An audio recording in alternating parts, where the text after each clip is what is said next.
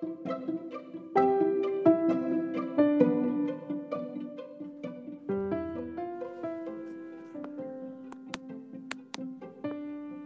back to my podcast. Talking Talk is not just talk. Yes, it's weekend and it's a gloomy day, but it will be a good day because it's Halloween. Tapi hari ini gue gak bakalan ngebahas soal Halloween, uh, tapi gue bakalan ngebahas your best companion even even on the weekdays, on the weekend, every day. Dan gue bakalan nggak sendiri hari ini gue bakal ditemenin sama teman gue uh, yang juga dog lovers uh, dan kita bakalan ngebahas mungkin beberapa hal yang uh, belum lo tahu untuk uh, about this truly incredible animal. But before that, I want you to shout out to my friends uh, Yari yang bakalan nemenin gue hari ini di podcast gue. Hai Yar. Hai, finally. Jadi gimana Halloween gue tuh I was about to uh, apa namanya make a costume for my dog. Oh, Oke. Okay.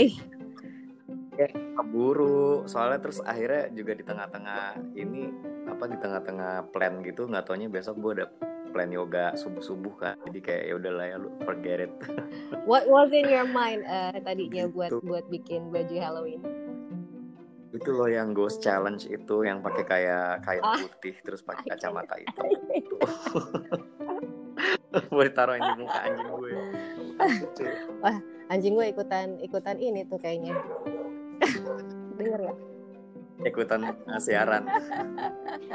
Berasa diobrolin. Benar lagi. Lagi tidur kali ya? Lagi tidur. Habis ini kayaknya juga kayak gloomy gloomy gitu kan jadi kayak enak banget buat iya. buat apa? Anjing lo apa anjing gue bull terrier. Uh, gue punya dua bull terrier dan they are so so cute.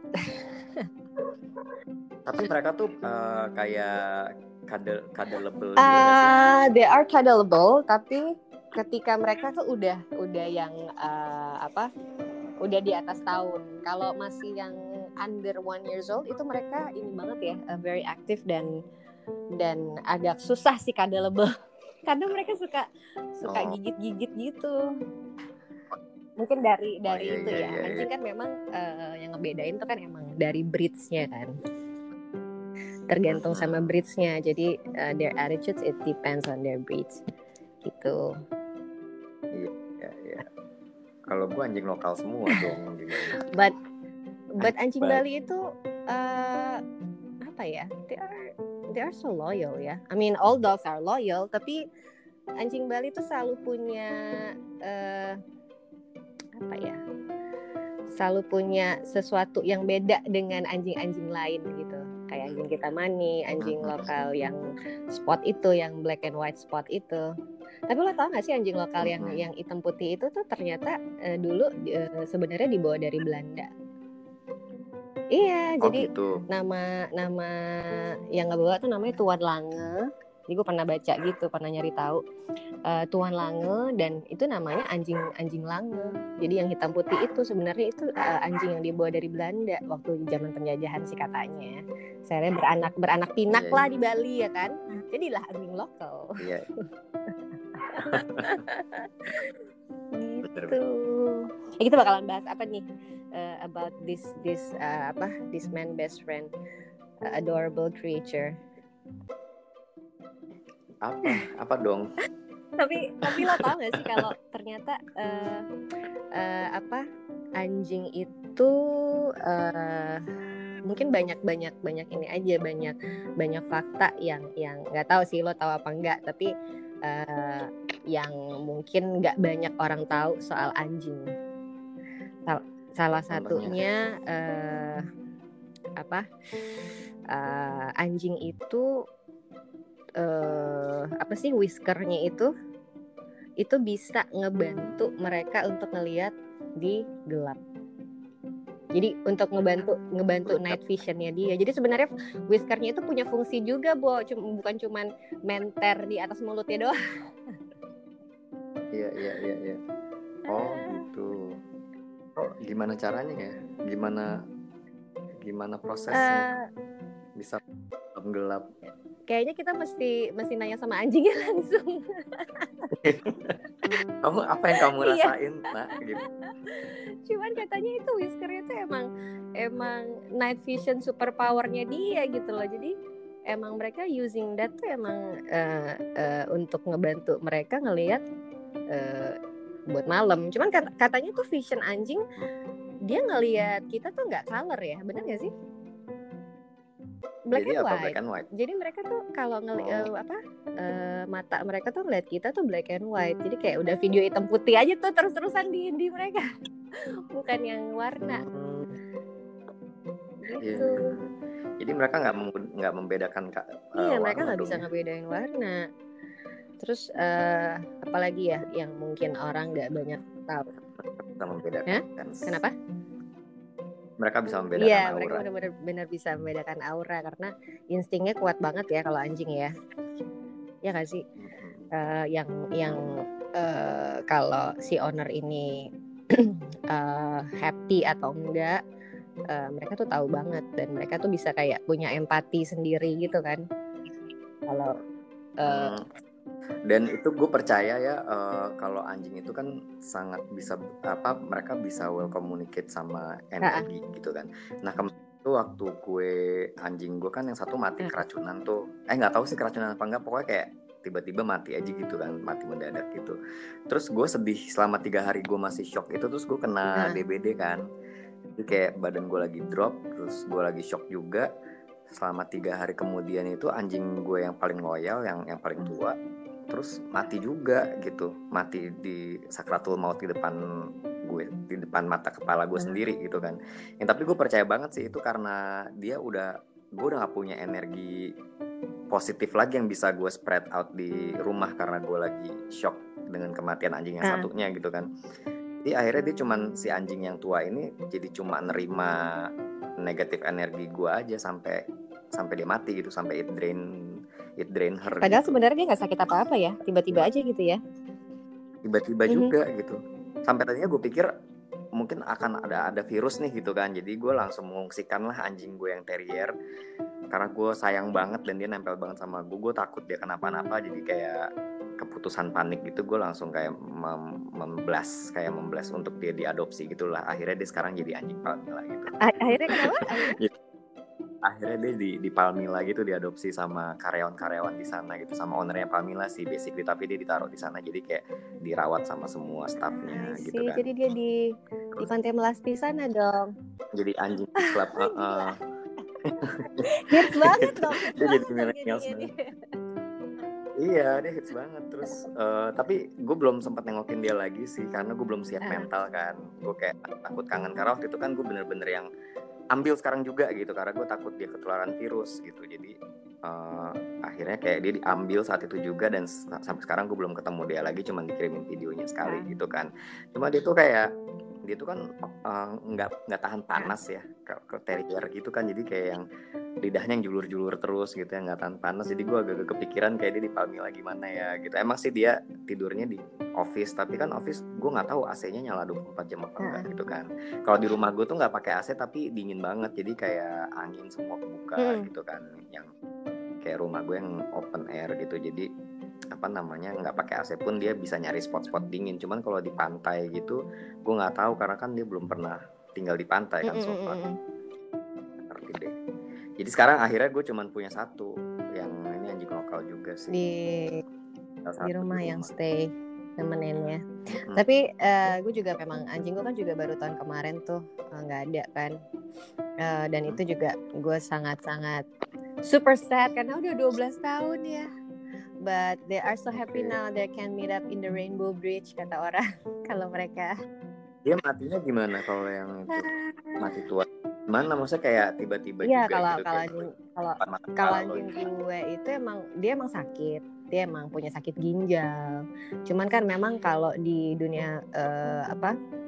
Dunia eh, hewan eh, itu belum ada pengobatan kayak cuci darah gitu loh kalau kena sakit ginjal.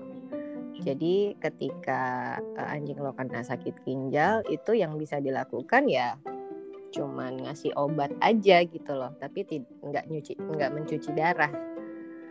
Belum ada eh, pengobatan cuci darah itu buat anjing. Jadi kayak kayak menunggu waktu juga sih kalau udah sakit ginjal agak susah memang nyembuhinnya. Cuman uh, sebenarnya sih tetap ya karena anjing itu ya waktu itu gue memang memang udah udah punya anjing baru kan.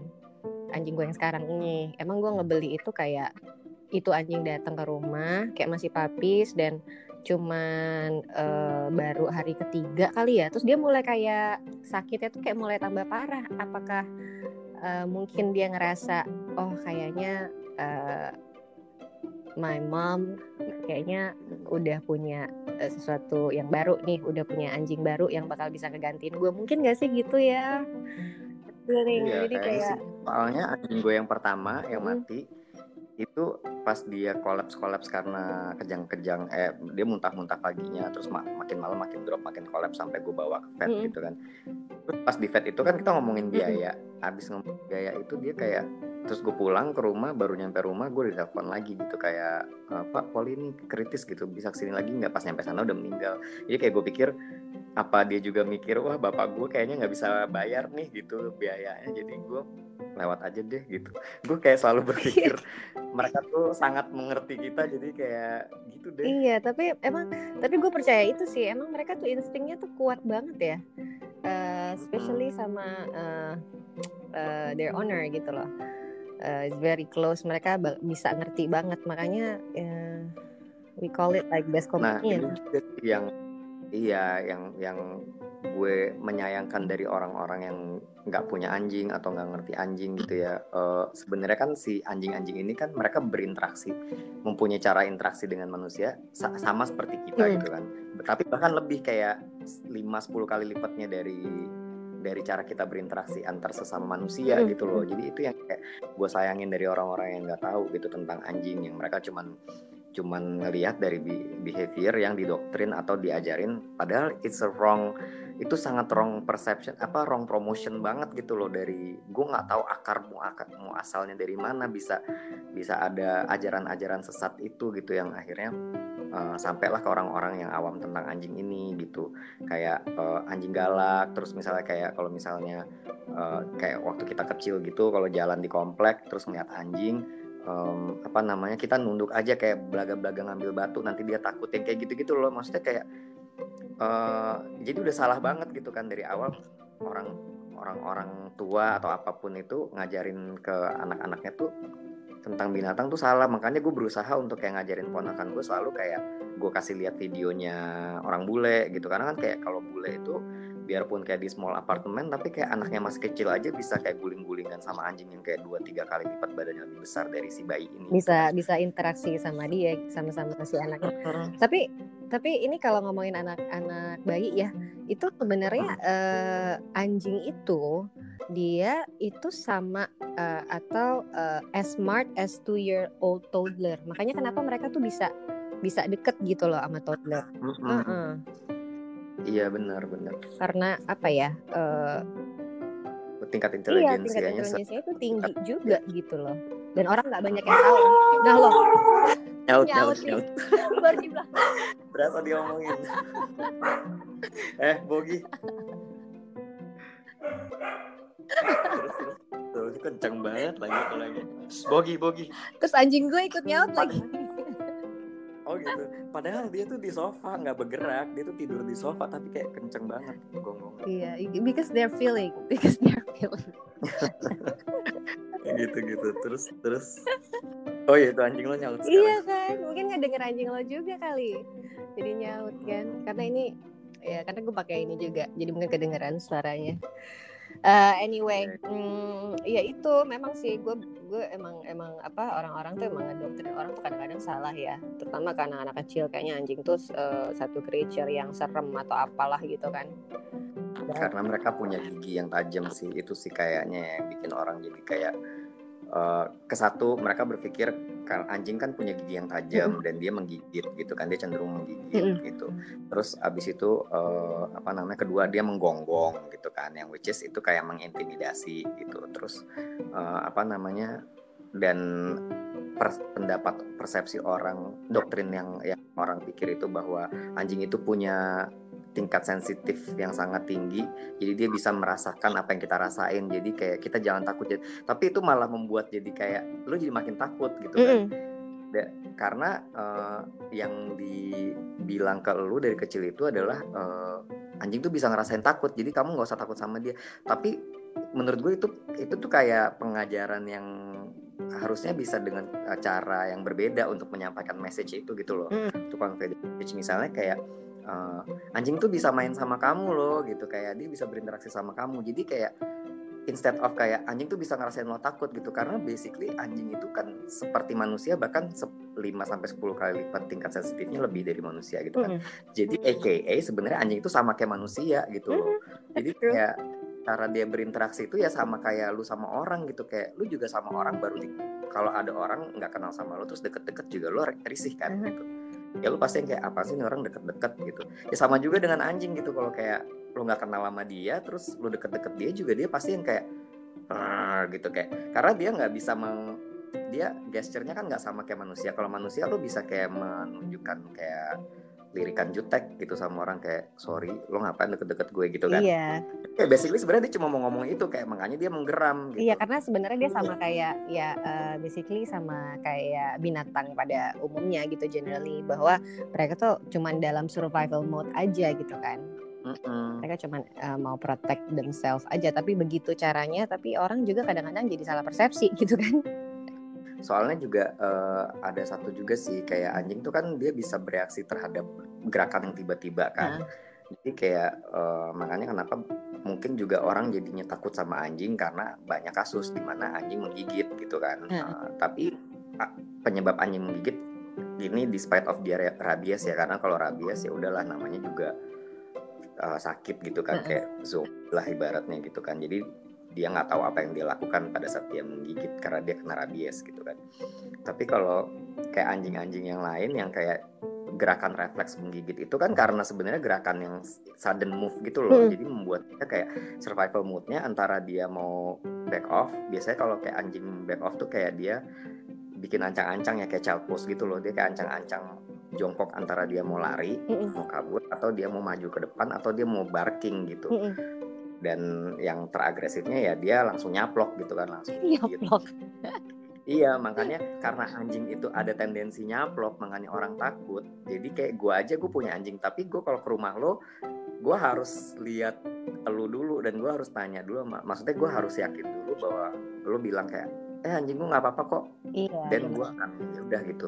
Tapi kalau misalnya nggak pun walaupun gue punya 10 anjing lagi di rumah tapi kayak sama anjing orang lain pun gue akan jaga jarak gitu nanti karena sebenarnya sebenarnya uh, anjing itu kan basically semuanya sama ya. When you want to approach a dog uh, itu kan nose eyes ear uh, ear ya. Anjing itu kan selalu hidung mata telinga gitu. Basic itu pasti dia akan smell dulu nih. Dia akan uh, iya ngendus-ngendus dulu orangnya terus dia akan ngeliat nih dia akan ngeliat dia akan pakai sense sight-nya kan? Dia akan ngeliat terus baru dia yang uh, kalau misalnya ada sound atau apa yang mungkin dia dengar itu biasanya dia baru pakai uh, uh, indera itu. Cuman pasti yang pertama tuh nose dan eyes gitu kayak nyium sama ngeliat gitu cara dia untuk approach orang untuk dia kenal sama orang. Nah kita juga biasa kalau nggak deketin anjing kan nggak boleh yang langsung yang tahu-tahu kayak berasa kenal banget terus yang ah gitu kan ya sih? Iya. uh -uh. Kayak kamu langsung kita langsung kayak nyodorin tangan. Iya. Nah gitu. jadi kan ada anjing yang protektif kan, makanya uh. ya mungkin protektif sama teritorinya gitu. Jadi dia ngerasa threaten dan itu yang bikin dia jadinya kayak ini nyaplok ini sebenarnya belum tentu dia gigit gigit ya gitu tapi kayak kadang-kadang anjing Bisa juga mau nggak mau ya? dipegang gitu loh oh, jadi pas kayak orang okay. pas orang mau ngelus palanya gitu dia langsung kayak hap gitu kayak mau nyaplok gitu kayak apa lo jangan pegang-pegang gitu kan eh. padahal dia gitu anjing gue yang sekarang nih sisa satu ini lagi gitu kan yang paling susah dipegang. Oke. Okay. Padahal sama gue pun juga dia nggak mau dipegang. Untungnya dia bulu pendek ya, jadi dia nggak pernah mandi tapi nggak bau. Karena kayak emang lebih gampang ya kalau bulu pendek ya. Mm-mm. Uh-huh. Terus ya kayak gitu dan maksudnya kayak makanya kenapa kalau orang yang punya anjing pas masuk ke rumah ke rumah orang lain yang punya anjing kayak bisa dibilang 99,99% aman lah karena si anjing ini akan ngendus-ngendus dan langsung nyium bau anjing juga kan. Iya benar benar baju kita gitu kan. Uh -uh. dari situ dia kayak oke okay, gitu dia langsung chill gitu. Langsung bisa ngeblend dia udah punya insting itu kan insting yang tadi itu kan. Mm-mm. terus kayak uh, temen-temen gue tuh kalau kayak main ke rumah gitu ya mereka tuh takut karena anjing gue tuh kan kayak super excited kan. Jadi kayak kalau misalnya gue baru datang pun mereka langsung ngendus-ngendus dan langsung lompat-lompat gitu langsung jumping emang jumping dok banget gitu kan. Heeh. jadi kayak kalau buat orang yang nggak Awam. punya anjing walaupun nggak takut anjing ya tapi kalau nggak punya anjing kan agak-agak easy gitu yang kayak "Eh, eh, eh, ini gue diapain ini gue diapain gitu kan. Padahal kayak sebenarnya anjing itu kayak excited. Nah yang bisa nerangin itu sebenarnya ownernya kan. Mhm. kayak, eh, gue biasanya kalau ngajak temen ke rumah tuh misalnya perginya bareng gue gitu ya terus nyam- nyampe se- di dalam perjalanan itu gue akan bilang pas udah deket-deket mau nyampe gue bilang gitu. Kayak anjing gue jumping dog jadi nanti eh, oh jangan cuek aja kaget ya gitu. Jangan takut. dia bakalan lompat-lompat ke lu gitu tapi dia ke gue juga kayak gitu gue akan nerangin gitu. Jadi kayak dia emang excited banget eh gue nya pulang gitu. Jadi kayak kalau misalnya ada kayak ada orang gitu apalagi anjing gue kan yang kayak dikeluarin tuh cuman seminggu tiga kali gitu dari pagar rumah kan. Oh jadi kayak kalau ada nggak setiap hari gitu. Jadi Hmm, kalau kayak ada orang datang ke rumah mereka langsung norak gitu kan langsung yang kayak eh, lompat-lompat dan ngendus-ngendus gitu. Karena Antara- bau dari antara- luar. antara caper apa pengen kenal gitu kan ya? Mm-mm. Mm-mm. Tuh, Jadi emang kuncinya juga di ownernya sih yang kayak harus nenangin si orang lainnya ini gitu. Kayak eh, dia harus bisa nerangin kayak habitnya anjing gue di rumah kayak gimana sih? gitu kan. Itu sih. Iya, soalnya emang ada emang ada karakter anjing tuh yang yang kayak hyper gitu kan. Ada juga yang kayak eh, apa kayak yang kayak Coach Potato Happy yang cuman kayak eh, slow walk terus tidur gitu kan, tidur cantik. Ada banyak karakter anjing yang yang yang kayak gitu. Nah kalau an- anjing lo gimana tuh? Yang termasuk yang mana? anjing gue yang termasuk yang jumping dog yang heboh banget Yang tapi ada saat yang udah mati nih ya ada satu yang dia barking banget gitu tapi dia selalu di belakang jadi kayak kalau gue pulang yang lain udah nyamperin udah udah lompat-lompat udah nyerang gue lah heboh gitu Hmm? dia di belakang tapi dia kayak paling kenceng gitu gue ngomongnya kayak wow wow wow wow gitu jadi kayak kalau kalau orang nggak ngerti pasti takut sih gitu kan sama anjing gue gitu padahal dia tuh barking tapi emang suaranya kenceng banget karena dia tuh apa ya kayak kayak euforia gitu loh dia kayak heboh banget eh, setiap kali gue pulang Mhm. kayak bil gue baru crack gue baru apa gue baru narik rem tangan aja tuh udah kedengeran kan terus Mhm. dia langsung gonggong tuh wow wow wow wow, wow dari dalam rumah kayak gitu sih Udah udah udah kangen banget ya. Udah emang. Cuman pas kayak temen gue udah di dalam ya udah kayak lima menit gitu mereka udah balik ke posisinya masing-masing gitu kayak ya udah cuek aja gitu Mhm. kayak nothing happen Gila, kalau ngomongin soal anjing emang ini ya kalau gue punya I have a lot of experience about dogs karena eh, in the whole my life tuh kayak gue punya anjing tuh kalau bisa dihitung ada berapa ya? Udah ya. Tapi lo bisa ya yang kayak misalnya udah mati terus tapi lo move on gitu ke anjing berikutnya. Soalnya gue ini Sebenarnya gue- kayak gue hmm, nggak bisa move on deh. Mungkin kalau satu ini meninggal gue nggak akan punya anjing lagi. Mungkin mikirnya gitu. Terlalu sedih gue sama menghadapi kematian mereka. Oh. well, eh, apa ya? Kalau dibilang gue bisa move on, ya it takes time, nggak bisa langsung. Tapi ya gue bisa sih, karena eh, gue udah udah berapa kali, mungkin I think more than 30 ya I have a dogs. Gue pernah punya anjing eh, 11 dalam waktu bersamaan, oke karena itu kayak eh, That's a family lot. gitu lah. Iya, ada salah. Eh, jadi gue punya jantan dulu, terus betina, terus mereka eh, kawin, Punya terus punya anak. kayak gitu, Ah, kayak gitu. apa dan tuh anjing ya sebelah. eh, English Shepherd, Oh, oke. Jenisnya English Shepherd, dan dan eh, ya dulu dulu mungkin gue masih eh, lebih lebih jauh lebih drama sih ketimbang sekarang. sekarang gue udah bisa lebih ya either either eh, meskipun gue agak yang kemarin yang terakhir yang meninggal anjing gue yang udah 12 tahun itu gue nggak berhenti berhenti nangis sih tiap malam. Karena itu kayak oh my god she is like my best companion like for the whole 12 years. Tuh kayak kehilangan banget sih ya.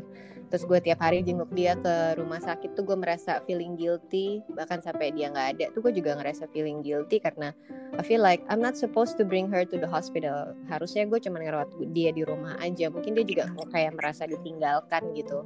Mm-mm. that's what I Yes. feel malah. Perasaan perasaan feeling guilty itu yang paling paling besar itu adalah eh, pada saat kita ninggalin dia di sana sih gitu. Kayak gue berapa gue udah sempet dua kali ya punya anjing yang matinya itu di vet dan gue nggak lihat. Eh tiga kali malah.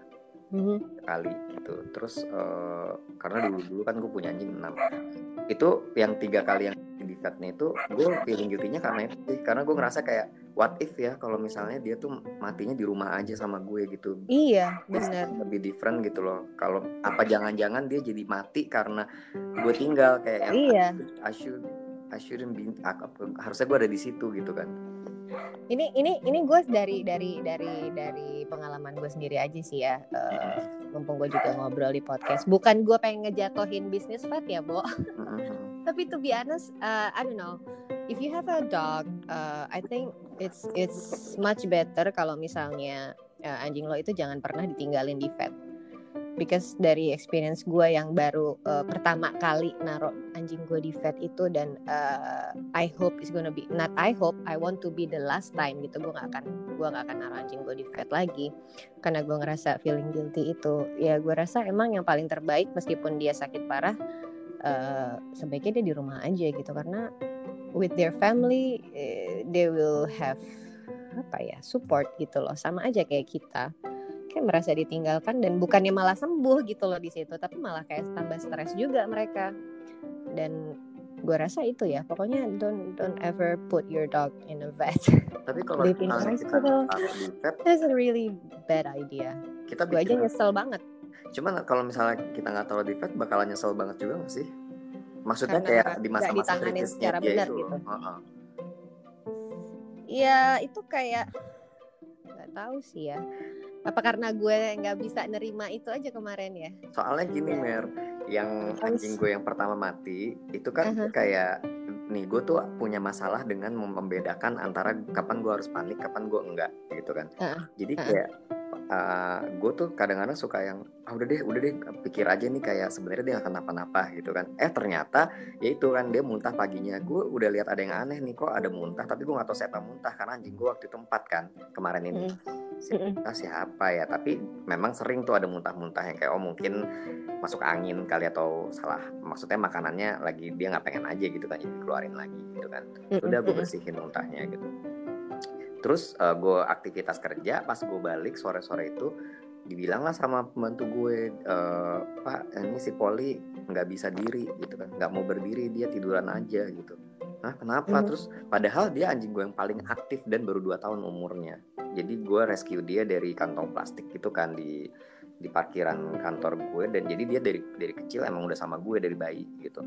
Terus eh, dan baru 2 tahun umurnya jadi belum tua kan. Terus kayak kenapa Hmm. nih si Poli dan dia yang paling aktif? gitu. Terus eh, malam makin malam jam 9 itu dia dia biasa tidur di karpet kan di kamar gue mak- terus dia kayak sesak napas sesak napas gitu loh yang kayak susah napasnya gitu. Oh Mm-mm. gitu saya kayak kenapa ya Pol Pol kamu kenapa ya? Sabar ya Pol terus eh, abis itu aduh nggak bisa nih gitu kamu ka- eh, ini dari kapan? Dari sore gitu. Kamu kenapa baru bilang sama saya nya sekarang gitu? Kenapa nggak WhatsApp gitu kan pas ini kata dokternya ya? Kata Mm. gue ke pembantu gue. Oh terus abis itu kayak oh iya pak gitu. Udah sekarang kita bawa ke dokter deh gitu. Pas nyampe dokter udah kemalaman kan kayak udah jam 9 malam gitu. Terus kayak jadi dokter udah pulang gitu. Terus dokter gue udah pulang gitu kan kayak eh, dan nggak mau kayak nggak mau nggak mau menjadikan itu urgent gitu. Kayak ah saya udah pulang gitu kayak aduh gue udah panik gimana ya dokin segala macam akhirnya cuma bisa konsultasi lewat WhatsApp disuruh lah pakein madu apa segala macam gitu kan. Terus yang which is uh, getting worse gitu nggak yang membaik gitu. Pas akhirnya sampai jam 2 pagi itu gue nggak bisa tidur karena karena dia nggak bisa napas kan. Akhirnya Mm-mm. "Lu udah deh bawa ke vet aja gitu kan. Gue bawa ke vet jam 3 Subuh. jam 3 subuh gue bawa ke vet terus nyampe di vet ternyata tuh dia udah kolaps gitu karena udah benar-benar udah nggak bisa diri gitu kan. Terus uh, udah disuntikin apa segala macem hmm, pokoknya kayak kondisinya tuh kritis lah intinya gitu kan. Terus jam pas dari jam 3 sampai jam setengah limaan apa jam 5 gue di sana lah pokoknya dua jaman itu ngobrol sama dokternya bla bla bla. Terus pas gue pulang dokternya bilang kan ini polinya malah kritis nih gitu kan bisa ke sini nggak? Gitu. Pas nyampe sana ternyata udah meninggal itu yang yang apa yang si poli gitu kan. Nah si yang si laki yang tiga hari setelahnya itu gue lagi lagi ngobrol sama adik gue gitu di rumah.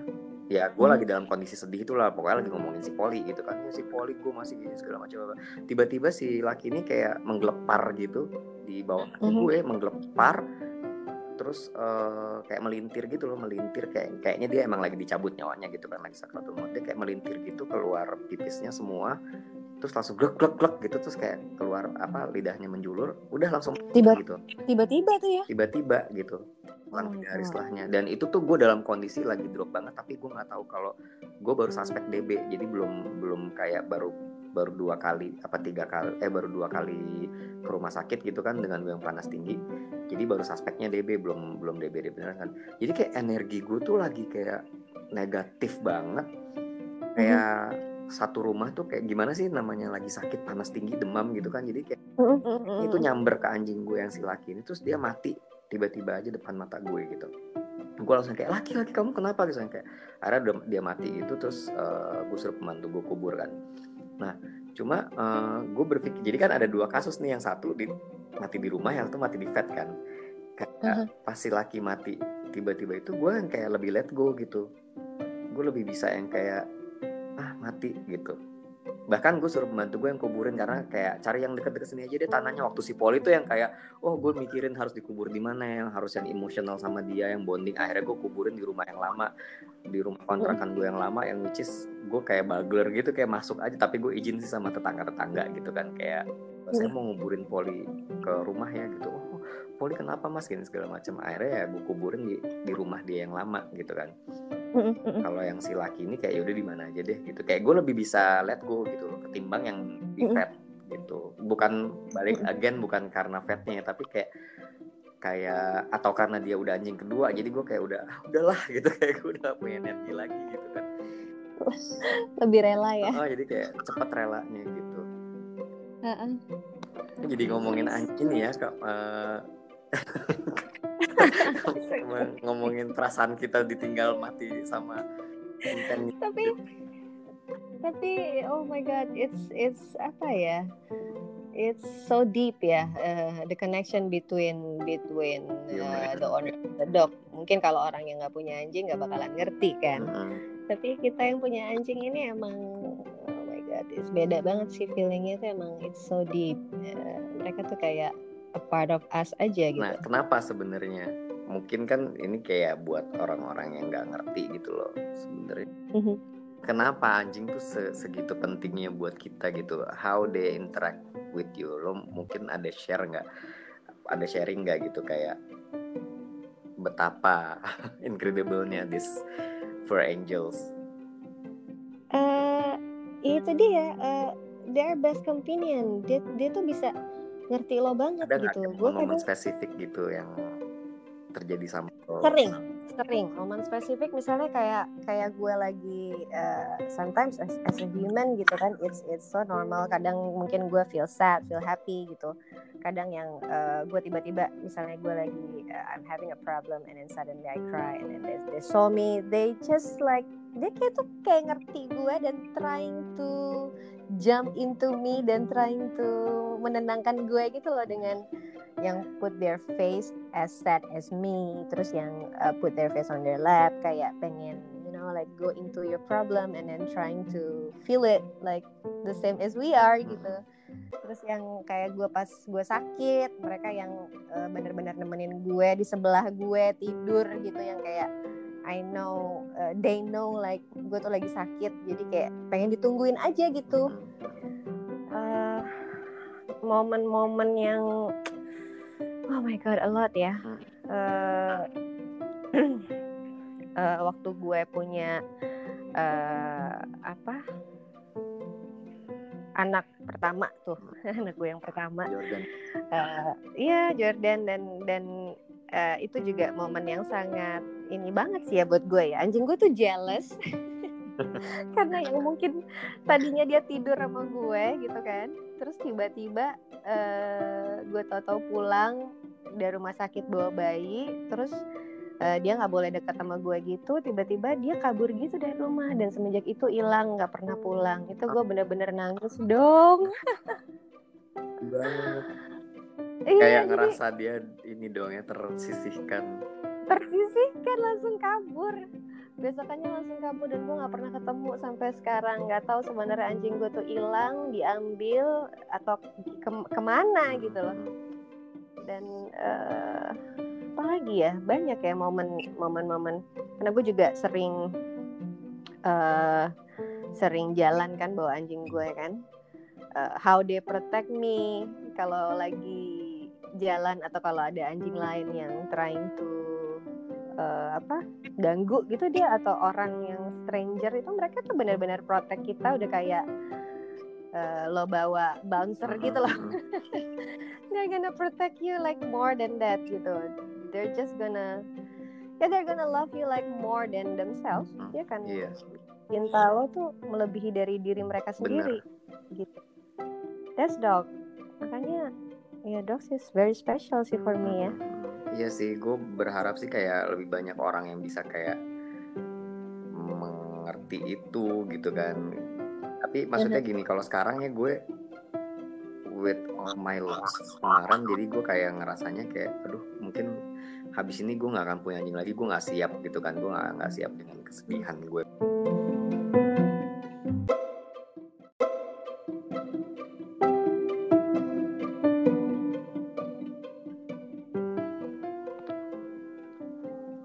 ah ya Terus, terus, terus? ah. Hai, and iya Eh, suara lo kok jauh? Oh iya. Udah. Tadi sampai mana sih? ya eh, iya eh, maksudnya kita pengen Gue gue ngomong, ya gue ngomongnya sampai mana? Iya orang tuh eh, bisa bisa tahu juga how special dogs. Tadi kan. Heeh. Iya. Dan gue tuh sebelum ini gue selalu mempromosikan ke orang untuk kayak at least lo punya satu anjing deh di rumah gitu kan biar lo tahu rasanya gitu kan. Bahwa kayak one dog is enough to kayak kalau misalnya lo termasuk orang yang kayak Jonas gitu ya jomblo ngenes atau Iya maksudnya kayak lo selama ini kayak having problem with uh, relationship with human gitu kayak why don't you just try dog gitu kayak maksudnya kayak coba lo punya satu anjing aja di rumah dan you know kayak it's enough gitu. Kayak uh, apa yang lo cari dari connection gitu kan kayak uh, uh, loyalty gitu lo dapat dari anjing gitu kan kayak companion Mhm. misalnya kayak uh, friends to listen terus kayak misalnya yang tadi lo bilang lagi sakit ada yang leader buat lo gitu kayak semuanya tuh lo dapetin kayak itu kayak whole combo package banget Mhm. kan kayak hanya dalam anjing gitu cuma sekarang nih sejak gue kehilangan anjing-anjing gue gue jadi nggak pernah ngomong nggak pernah mempromosikan ke orang-orang lagi untuk punya anjing karena gue juga nggak yakin mereka bakal siap kehilangan kalau akhirnya mereka punya satu di rumah gitu kan. jadi kayak ya udah deh just, I just feel it for myself. Tapi gue lebih kayak gue nggak nggak lagi meng- meng- berusaha untuk bikin orang itu tertarik untuk punya anjing. Tapi at least kayak uh, merubah persepsi mereka bahwa anjing itu nggak mungkin mereka nggak tertarik karena mereka punya persepsi yang salah kan tentang anjing ah, benar. berusaha merubah persepsi mereka aja bahwa anjing itu nggak seperti yang lo pikir dan yang dibilang anjing itu setia gitu. Kayak dulu gue nonton Hachiko gue nggak nangis sama sekali sebelum gue punya anjing. Kayak gue nonton sama mantan gue kan terus kayak mantan gue tuh nangis nangis gitu kayak apa sih cewek tuh lebay banget ya gitu kayak nonton nonton anjing jadi kayak buat gue mikirnya karena cewek jadi kayak oh anjing gitu kan lucu terus oh, mati gitu jadi kayak nangisnya tuh kayak berderai-derai gitu Ah, ah, benar benar. tapi ternyata setelah gue punya saat setelah gue punya anjing gue baru tahu maksudnya kenapa Hachiko melakukan itu gitu loh Baru Kayak, ngerti ya. Gitu. itu bener gitu loh that's true gitu loh anjing tuh bisa yang kayak gue halo? Iya ya gue di sini. Uh, ya kayak anjing tuh bisa yang kayak gue gue pernah yang uh, dulu anjing kan dulu gue punya enam kan. Anjing gue yang sakit tuh akhirnya diadopsi sama orang lain gitu karena better off that way. Uh, karena dia nggak cocok sama yang lain jadi kayak ya udah diadopsi sama orang. Itu tuh kata kata orang yang ngadopsi itu abis kakak pergi tuh uh, si Moka tuh bener-bener di depan pagar itu Nungguin nunggu- ya? bener-bener nungguin di situ nggak mau masuk ke dalam rumah gitu jadi kayak segitunya anjing gitu kan. Ya gitu sih. Iya deh. Ya pokoknya uh, the best lah, best best companion banget lah mereka. uh, tidak tergantikan sih kalau menurut gue. Bener ya banget. kan? Tapi uh, instead of um, mungkin gue pengen ngebahas dikit aja ya instead of uh, uh, apa hmm, having a dog. Banyak juga orang yang yang masih uh, apa mengkonsumsi anjing ini ya. Iya kan dan dan for me that's very cruel karena iya. I don't know what is in their mind. Dan gue pernah eh, nanya beberapa orang yang yang konsumsi eh, eh, apa mereka gitu sebagai makanan. Apa sih sebenarnya motifnya mereka tuh makan? Apakah memang hanya sekedar eh, coba suka atau apa gitu kan? Eh, ada yang ngejawab ya mereka suka mereka suka lah dagingnya. Terus ada yang ngejawab juga untuk kesehatan. Karena katanya eh, anjing itu bagus banget buat ngobatin asma which is ya gue nggak tahu sih ya secara secara dalam dunia kesehatan itu valid atau enggak tapi buat gue sih tetap aja. Kalau untuk asma ya lo cari obat asma yang lain lah gitu kan. Nggak perlu lo konsumsi. Sebetulnya kan ka- kalau kita ngomongin masalah cruelty-nya ya karena how they uh, how they make it gitu kan. Kayak cara ngolah cara mengolahnya itu kan yang terjadi pembunuhan gitu kan. Mm-mm. terhadap anjing-anjing ini. Karena nggak nggak nggak di ini secara proper gitu. Kayak ya let's say dengan binatang ternak lain itu kan cara cara ngego cara motongnya cara apanya itu kan bikin yang kayak cepet mati apa gitu gitu kan Mm-mm. jadi kayak nggak nggak menyakiti gitu loh tapi kalau anjing itu kan cara mengolahnya kan yang kayak dipukul terus kayak kita mukul pala ikan ya basically gimana ya kayak kalau kalau lu nginterview peta sekarang juga peta bilang kayak lu mukul kepala ikan juga sadis men gitu kan Mm-mm. jadi mungkin buat orang-orang yang orang-orang yang mengkonsumsi anjing itu kayak it's just don't itu hanya nggak masuk aja di di pikiran mereka gitu kan. Ya sama aja kayak lo mukul kepala ikan sebelum lo konsumsi gitu kan. Um, jadi sebenarnya lebih ke cruelty-nya itu sih. Tapi basically kenapa itu menjadi segitu cruelty-nya juga? Karena si anjing-anjing ini yang seperti gue bilang itu kan mereka punya bonding yang sangat kuat sama manusia yang punya sifat-sifat yang kayak semua sifat baik manusia itu Ada ada, di anjing, anjing ya. dan lebih gitu kan bahkan dua tiga kali lipatnya gitu manusia bisa setia anjing kayak dua tiga kali lipatnya gitu kan mm-mm.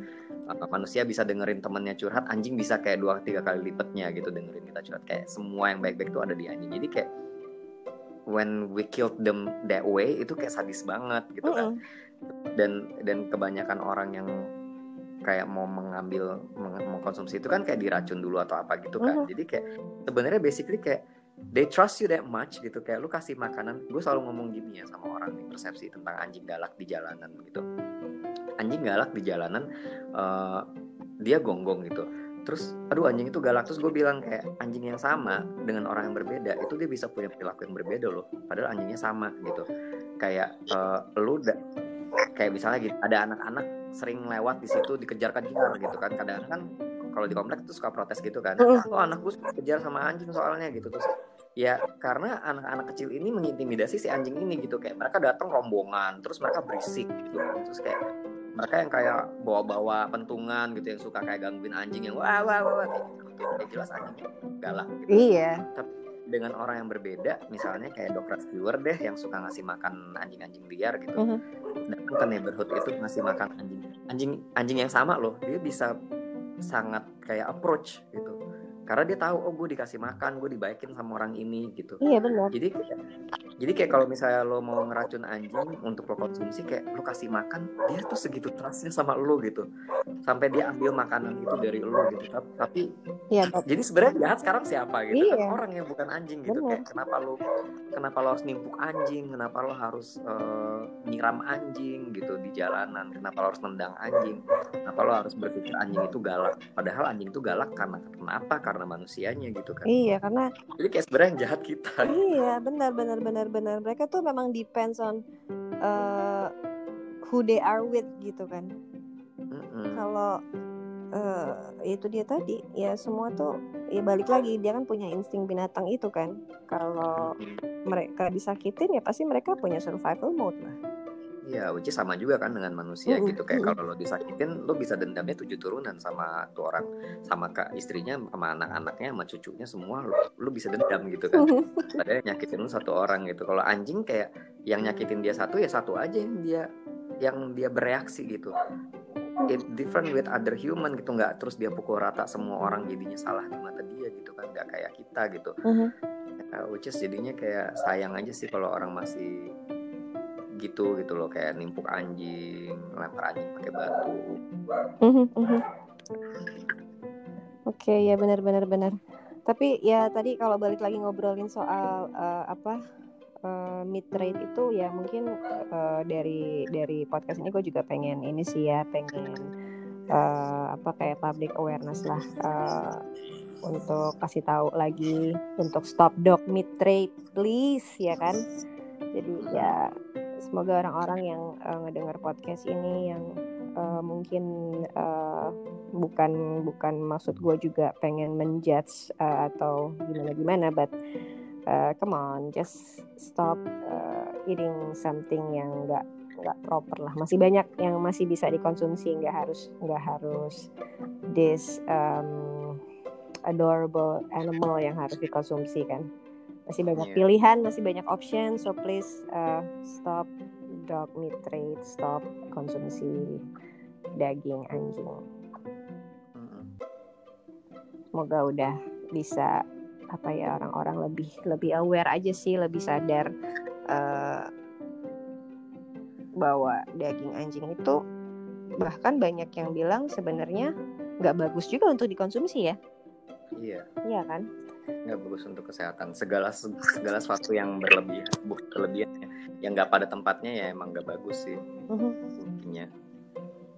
semoga ya semakin inilah semakin uh, banyak orang yang tahu jadi yang just eat another meat aja gitu Mm-mm. jangan jangan anjing lagi lah yang dikonsumsi it's too cruel so yeah, dan kalau gue kesempatan yang ini, gue cuma mau bilang em, buat owner-owner juga mungkin bisa ya kalau kita eh, selain vaksin apa gitu-gitu ya, Mhm. tapi juga kalau bisa eh, anjingnya juga dijaga. Ini banyak sih kalau mau, mau ngebahas soal anjingnya. Kalau gue termasuk yang pro sama ster- sterilize kan. Ada kan itu pro kontra ya. Jadi ya gue nggak masalah dengan itu gitu. gue juga nggak yang kontra kalau orang eh kalau orang yang seneng kayak oh anjingnya biar beranak gitu nggak nggak masalah buat gue selama lo rawat gitu kan. Ah. Tapi kan sekarang banyak yang eh, orang-orang itu kayak anjingnya dilepas keliaran terus beranak pinak di jalanan sana hanya karena kita nggak proper merawat mereka gitu kan. Yang kayak nggak ada jam mainnya nggak ada jam kapan dia harus di rumah gitu ya dibiarin aja berkeliaran gitu kan. Itu yang nantinya menjadi beranak pinak itu yang gue bilang kan. Dan akhirnya apa? Ya lu punya anjingnya satu yang pulang ke rumah lu. Tapi yang anak-anak dia yang dia lahirin di jalanan itu kan yang akan menerima penderitaannya gitu loh. Kayak dipukulin orang ditabrak mobil diracun untuk dikonsumsi gitu. Padahal semuanya apa? Untuk bisa me- apa namanya menahan laju populasi anjing liar juga kan dari kitanya dari rumah-rumah ini gitu kan dari banjar-banjar ini gitu loh Mhm, maksud. mhm. gitu sih menurut gue.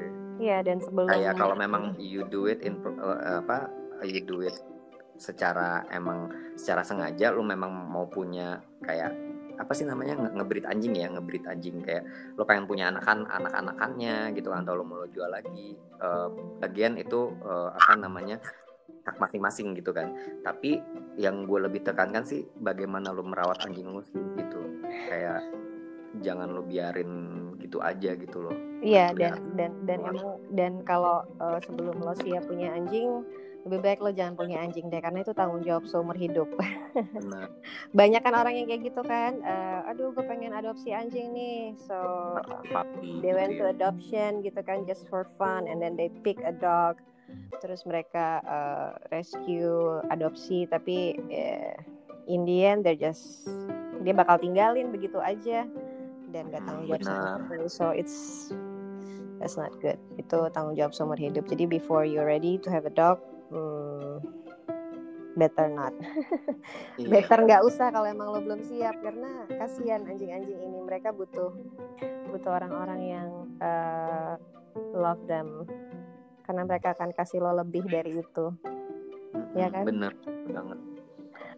So yeah I think um, I think uh, that's all for today. Uh, kayaknya kita udah punya beberapa nih yang kita bagi ya ya setelah janjiannya dari tahun lalu ya. Setelah bolak-balik. Finding time yang nggak ngepas ngepas waktunya ya. So uh, I have a funny quote uh, about dogs before I close my podcast. So uh, you can handle every situation like a dog. So if you can't eat it or play with it, just pee on it and walk away. okay. thank you for uh, being with us in my podcast. Thank you also for you, Yadi. Uh, thank you. Thank you so much. So I'll see you in my next podcast. I'm yeah. signing out now. See ya. Bye. Bye. Bye. Bye.